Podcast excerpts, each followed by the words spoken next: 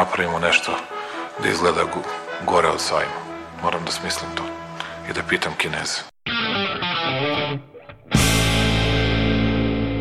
I've today left hospital after a week in which the NHS has saved my life.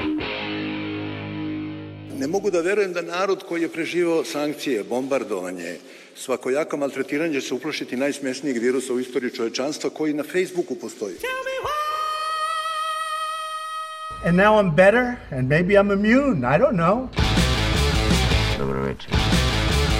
Mene su poslali iz štaba. Ja ću vam pomoći. Aleksandar Kocić Jelena Viser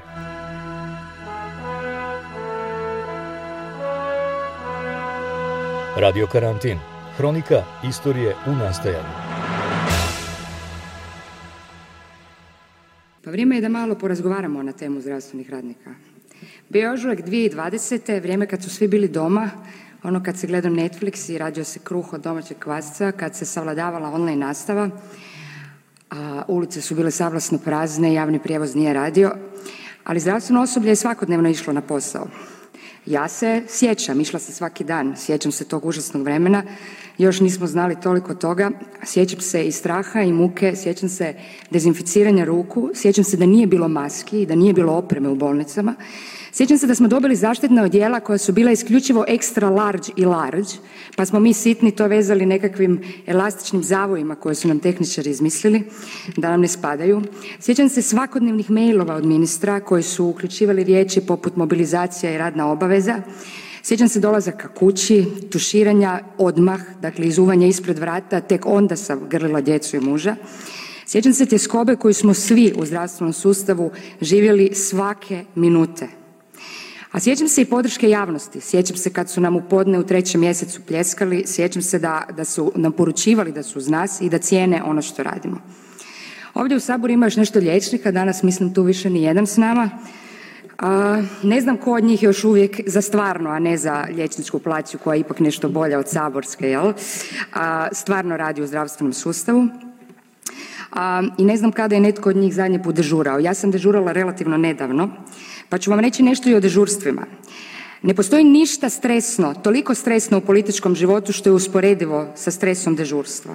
Dakle, ne postoji ništa usporedivo sa ekscitacijom cijelog tijela kad zazvoni dežurni telefon. Ja ću doživotno skakat na ringtone dežurnih telefona s kojima sam ja dežurala.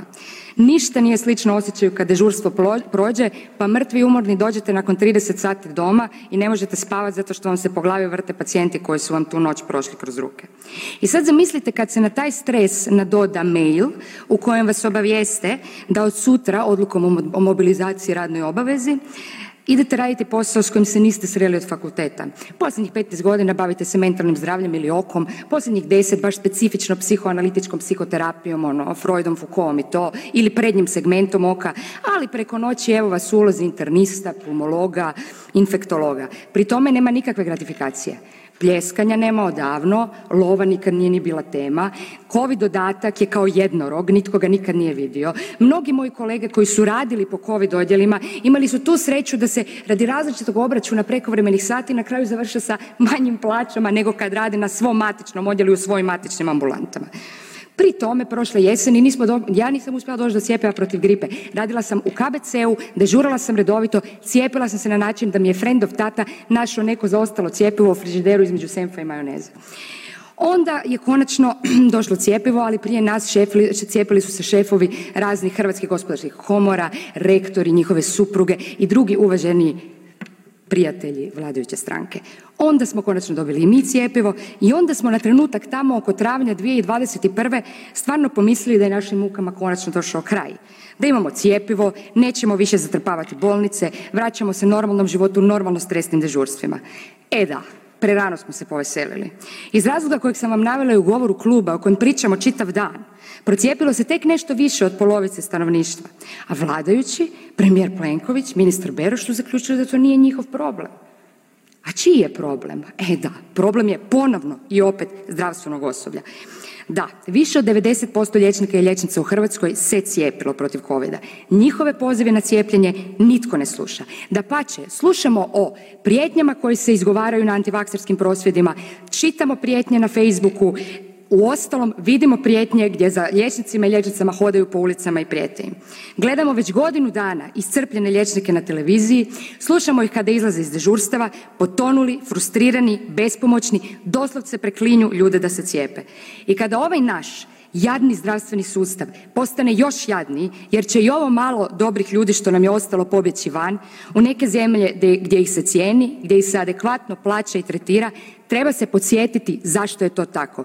Treba se podsjetiti kojom smo brzinom i kojom smo putanjom došli od onog pljeska na početku priče do prijetnji liječnicima kojima je sve što još mogu učiniti stalo u rečenicu preklinjem vas da se cijepite. Bila je to Ivana Keke, predsjednica Nove Ljevice i lekarka koja u Hrvatskom saboru govori o položaju i teškim uslovima rada lekara i medicinskog osoblja, kao i o učestalim pretnjama kojima su izloženi zbog toga što ukazuju na teško stanje u zdravstvenom sistemu ili apeluju na građane da se vakcinišu.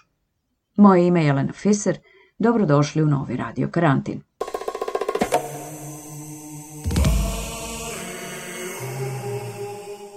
Napadi na lekare i medicinsko osoblje u globalnom su porastu u poslednjoj deceniji, ali su se tokom pandemije intenzivirali. Znamo da medicinski radnici imaju naporan posao i duge smene, ona čuvena dežurstva od po 24 sata.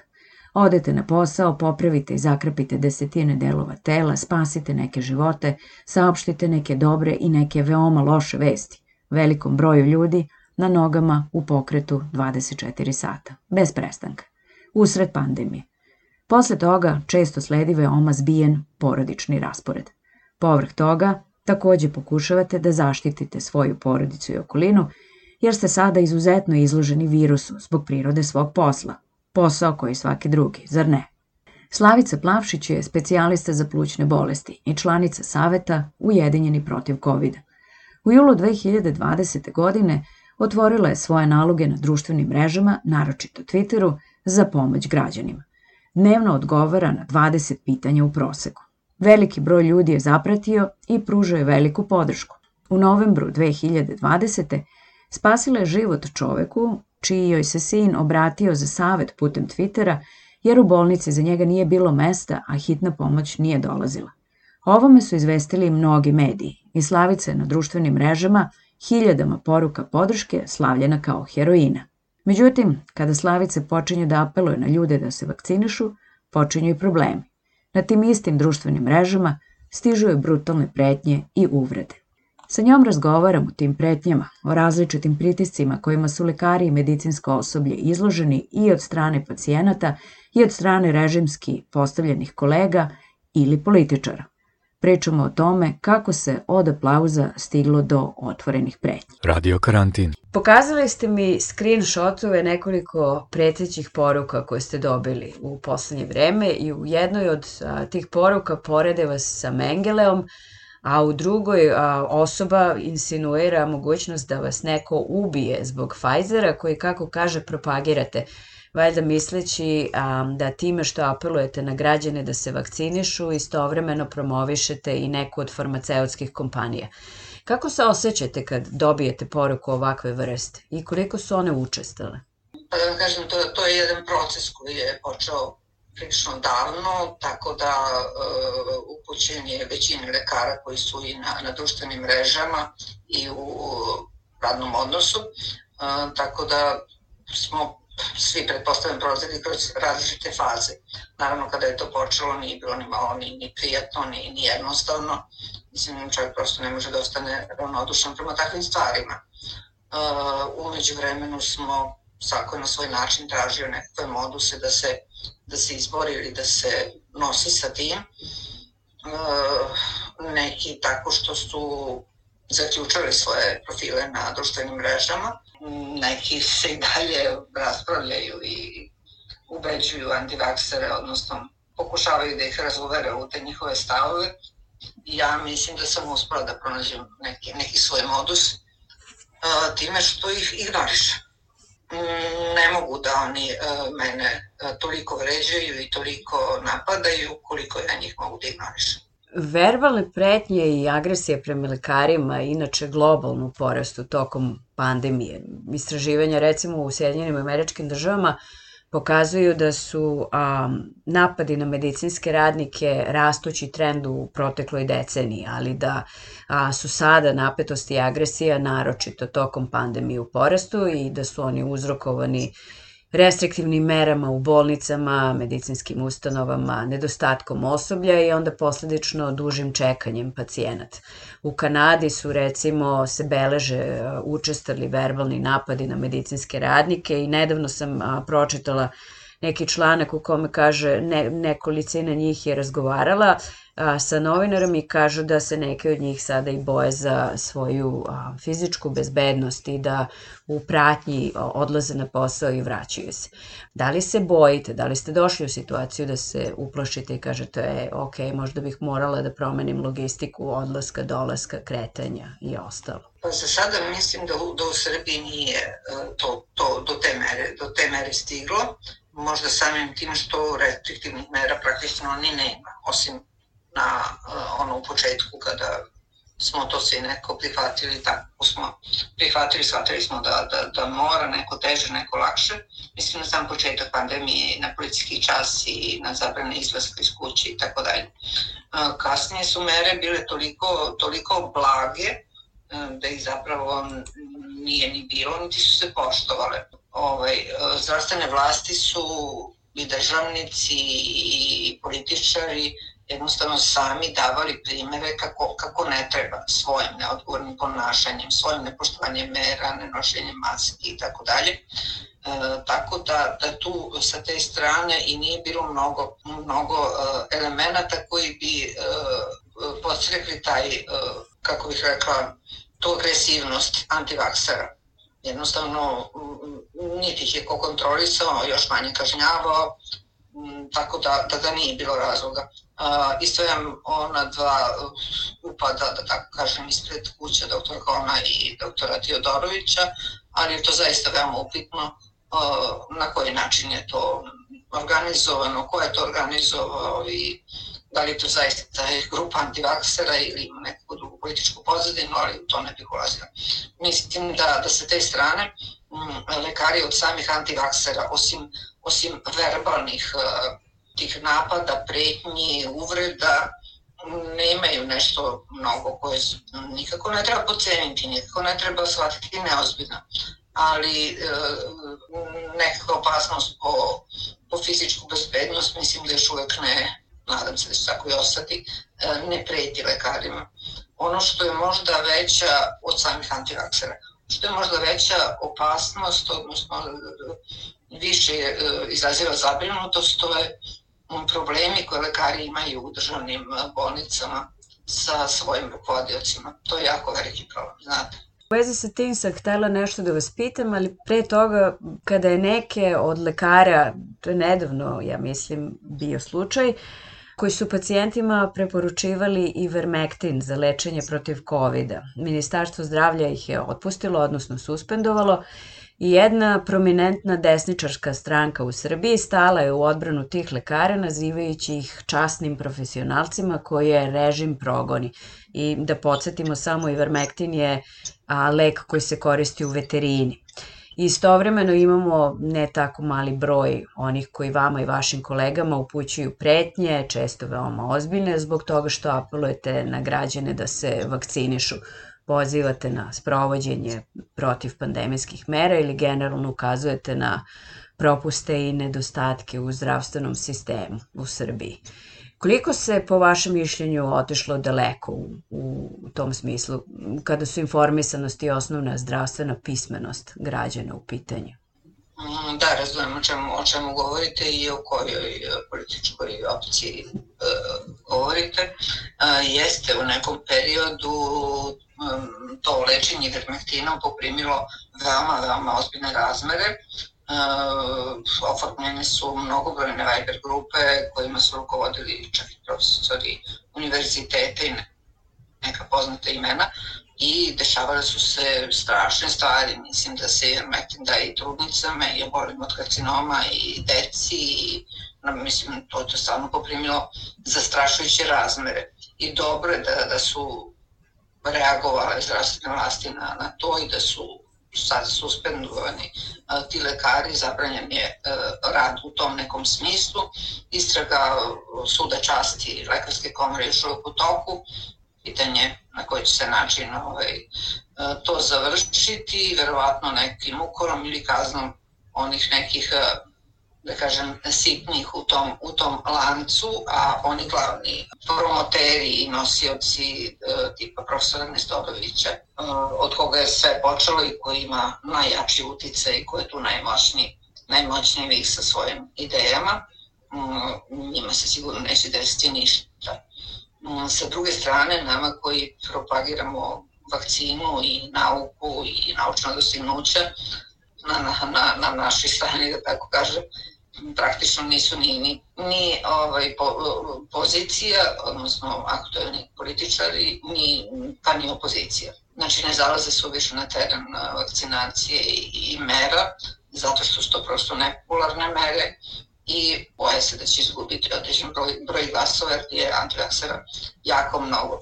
Tako da su uzdržani jedni i drugi po tom pitanju. Zaštitu, zaštitu zaista nemamo. Spomenuli ste um, te pritiske neke koje dolaze i od strane rukovodstva, odnosno pretpostavljam koje su dirigovane tim nekim političkim pritiskom sa vrha. Na početku pandemije već zabeleženi su neki slučajevi, bio lekar u Nišu koji ako se ne varam, suspendovan zbog toga što je ukazivao na stanje u bolnici, katastrofalno stanje u bolnici na početku pandemije i to naravno nije bio jedini slučaj. Jel možete da nam kažete više o tim pritiscima, od koga dolaze, kakve su vrste i šta zapravo vi trpite od svojih rukovodećih? Toga ima jako mnogo. Ogroman broj rukovodećih kadrova su u VD statusu znači nisu direktori, nego su to dugogodišnji VD e, funkcioneri. E, znači svi su bukvalno članovi SNS-a i e, samo oni imaju pravo da direktori i određena lica, PR već, da imaju kontakt sa javnošću. Svima ostalima je strogo zabranjeno da daju bilo kakve izjave i da se, da se jasno oglašavaju po tom pitanju. Tako da, da to što, što se dobije od, od informacija je od ljudi koji su hrabri ili sa neke druge strane ili ovaj, se pod nekim pseudonimom predstavljaju i onda uspe da iznesu nekakve fotografije ili neke, neka svoja lična iskustva iz, iz svojih ustanova, iz bolnice Batajnica, iz uh, manjih gradova gde vladaju lokalni moćnici koji prete svojim uh, zaposlenima vraćaju sa, sa, sa polovanja još nedovoljno ozdravljene, e, pred tim otkazom sprovode jednu strahovladu i zaista lekari izbjegavaju da, da, da dolaze u konflikte jer, jer imaju velike probleme sa tim. Koro jedna doktorka dala, dala otkaz posle niza nekih problema koje je imala tokom svog uh, radnog angažmana u Batajnici i iznošenjem nekih podataka. To je baš onako jako strogo zabranjeno i izbjegavaju lekari da se uh, konfrontiraju na taj način. A kakvo je vaše iskustvo u tom smislu u Srbiji a, sada? Da li ste te pretnje dobijali i a, pre pandemije ili su one relativno nov ili novi fenomen koji je u vezi sa više pandemijskim merama, vakcinacijom i činjenicom da je zbog vanredne situacije fokus a, pomeren zaista na loše stanje u zdravstvenom sistemu u Srbiji. Pa je to postalo očiglednije i lekari a, samim tim više ukazuju na to. Pa zadnjih deseta godina su se pojavljivali sporadični, ali to su zaista bili sporadični slučajevi E, da tako kažem, nasilja, napada i ugleda na lekare. Znači, desilo se pre deseta godina da je u centru grada, u sred bela dana, ovaj, ubijen uh, doktor hirurg čuveni nekoliko meseci pred pensijom. To su, to su strašne stvari. To se radi o nekim poremećenim osobama ili već sa, sa nekim određenim diagnozama i tako dalje. Znači, bilo je napada, nije da nije bilo i na sastavne radnike i na medicinske sestre, tehničare, ali su to bili zaista sporadični slučajevi. ovo što se sada dešava je, je svakako uh, korona uh, reakcija i, i fenomen koji prati epidemiju korone sa, sa na ovako učestalo, ovako mnogo, ovako drastično i surovo, to je zaista fenomen koji je nastao tokom epidemije. Ako sam dobro shvatila, situacija je, nadam se da nisam izdramatizovala, ali situacija je otprilike takva da ako sada vi kao lekar nekom preporučite ivermektin za lečenje, nosit ćete manje posledica nego time što ćete da mu preporučite ili da joj preporučite da se vakciniše. Jer smo dotle došli. U javnosti, u javnosti malte ne tako, tako izgleda sad, znam koliko ih je više, koliko je više onih pogodnika ivermektina i tih alternativnih već drugih načina lečenja, ali ih ima zaista mnogo i ne treba ih zanemariti. E, oni ne razde na, na osudu zvaničnih vlasti. Skoro je neka doktorka svom, valjda to najnoviji primer, svom suprugu prepisala na recept e, iz bolnice ovaj, Ivermectin i valjda je kažnjena suspendovana. A, uh, Izvinite, a sad moram da vas pitam, oprostite što vas prekidam, a je li suprug onda otišao u regularnu apoteku ili u veterinarsku? To me živo zanima. To je pitanje. E, da, postoji Ivermectin za ljudsku upotrebu, ali njega propisuju, propisuju dermatolozi za, za lečenje kožnih bolesti. Kako se osjećate kada a, čitate o tome ili sami dobijete poruku u ko, koje vas neko ko je možda zagovornika lečenja ivermektinom nazove Mengelom? Pa to je postalo, to je postalo njihov, njihov način komunikacije njihove, mislim da mnogi njih i nemaju pojma ko je Mengele i šta je taj čovjek zapravo radio, ali to je jedna uobičajena formulacija koju su mm, čuli, pročitali, misle da nešto o tome znaju, postoji ljudi koji namerno uređaju, tako da prosto to, to, to su takve ličnosti koje ima sigurno različitih ovaj, mm, različitih struktura tu mnogi od njih nemaju pojma, ni, ni ko je to, ni zašto to rade, ni prosto imaju neku svoju, svoju potrebu, isfrustirani na različite načine, e, svojim životima, svojim problemima i tako dalje, da, da svoj taj bes e, i nezadovoljstvo iskažu na društvenim mrežama pod lažnim imenima i tako. Ima tu i obrazovanih, pametnih ljudi koji e, prata, ali su prosto počeli pratiti sve, sve podatke, ali su prosto na, na neki tu, tu svoju obrazovanost, da tako kažem, uh, prebacili na neki pogrešan kolosek.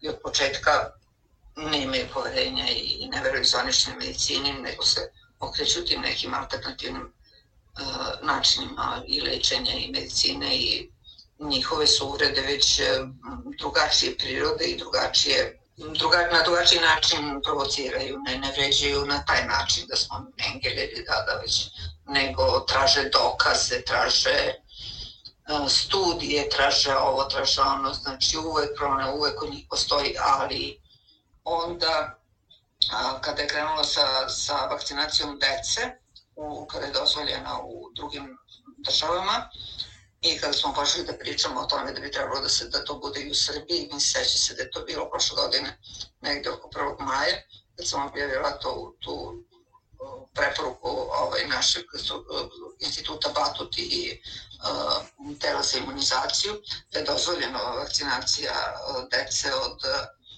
najpre 17-18 godina, a posle nekoliko dana već i za decu od 12 do, do 16 godina.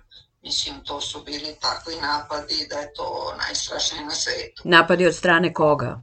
Od strane antivaksera i, i ovi koji ne prihvataju taj način. A, a za, za decu i za trudnice onda je isto tako ovaj, kada, kada sam apelovala na to da se trudnice moraju vakcinisati, da, da kao i doilje, i kada smo imali Znači, to su bili strašni napadi, mislim, ali to ne da je bilo da ono, e, ova doktorka bi sad išla redom i vakcinisala sve živo po sto puta, tako se nekako svodilo na, komentari su bili takve, takve prirode i da nisam normalna i da da bi tako nešto uradila svoje deci ili već mislim da ne navodim kakve sve su urede bile.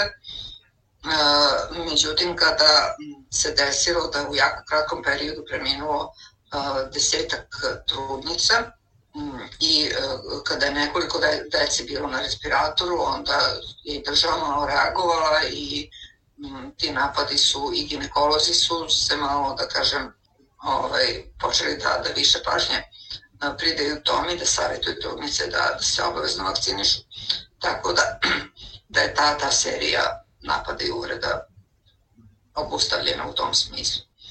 Eto, našla sam neki, neki, neki modus da, da se ne uzbuđujem suviše zbog toga. Onda sam zamolila svoje, svoje pratioce, imam ih jako mnogo, da, da ne ulaze u prepirku i u, da me ne brane jednostavno. Jer onda kad tu, tu nastane opšti rat između onih koji me brane, onih koji, koji me napadaju. Tako da kad se to izbegne i kad se to onda, onda neka mir. Znači, ignorisan jednostavno, ono kad baš bude jako teških ovaj, uvreda i nedoličnog ponašanja ili već pretnje, onda postoji opcija na, na Twitteru da se najviše da se prijavi taj nalog, neki od njih se blokira ili, ili suspenduje na neko određeno vreme, neki ne, ali tako se brani. Ja se tako branim. Plavoj strani znam da radim ispravnu stvar, volim medicinu, pomažem narodu i ne nameravam da odustanem. Kažem ponovo, znači moja rešenost i moja mogućnost ignorisanja takvih poruka, takvih pretnji su mnogo jače od, od, od njihovih mogućnosti. Slavica Plavšić, specijalista za plućne bolesti i članica Saveta Ujedinjeni protiv COVID.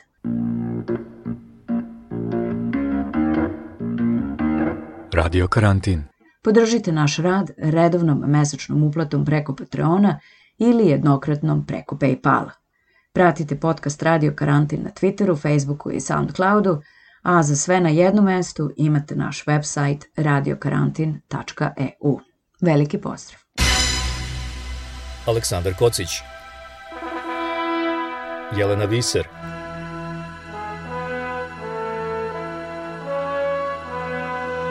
Radio Karantin Hronika istorije u nastajanju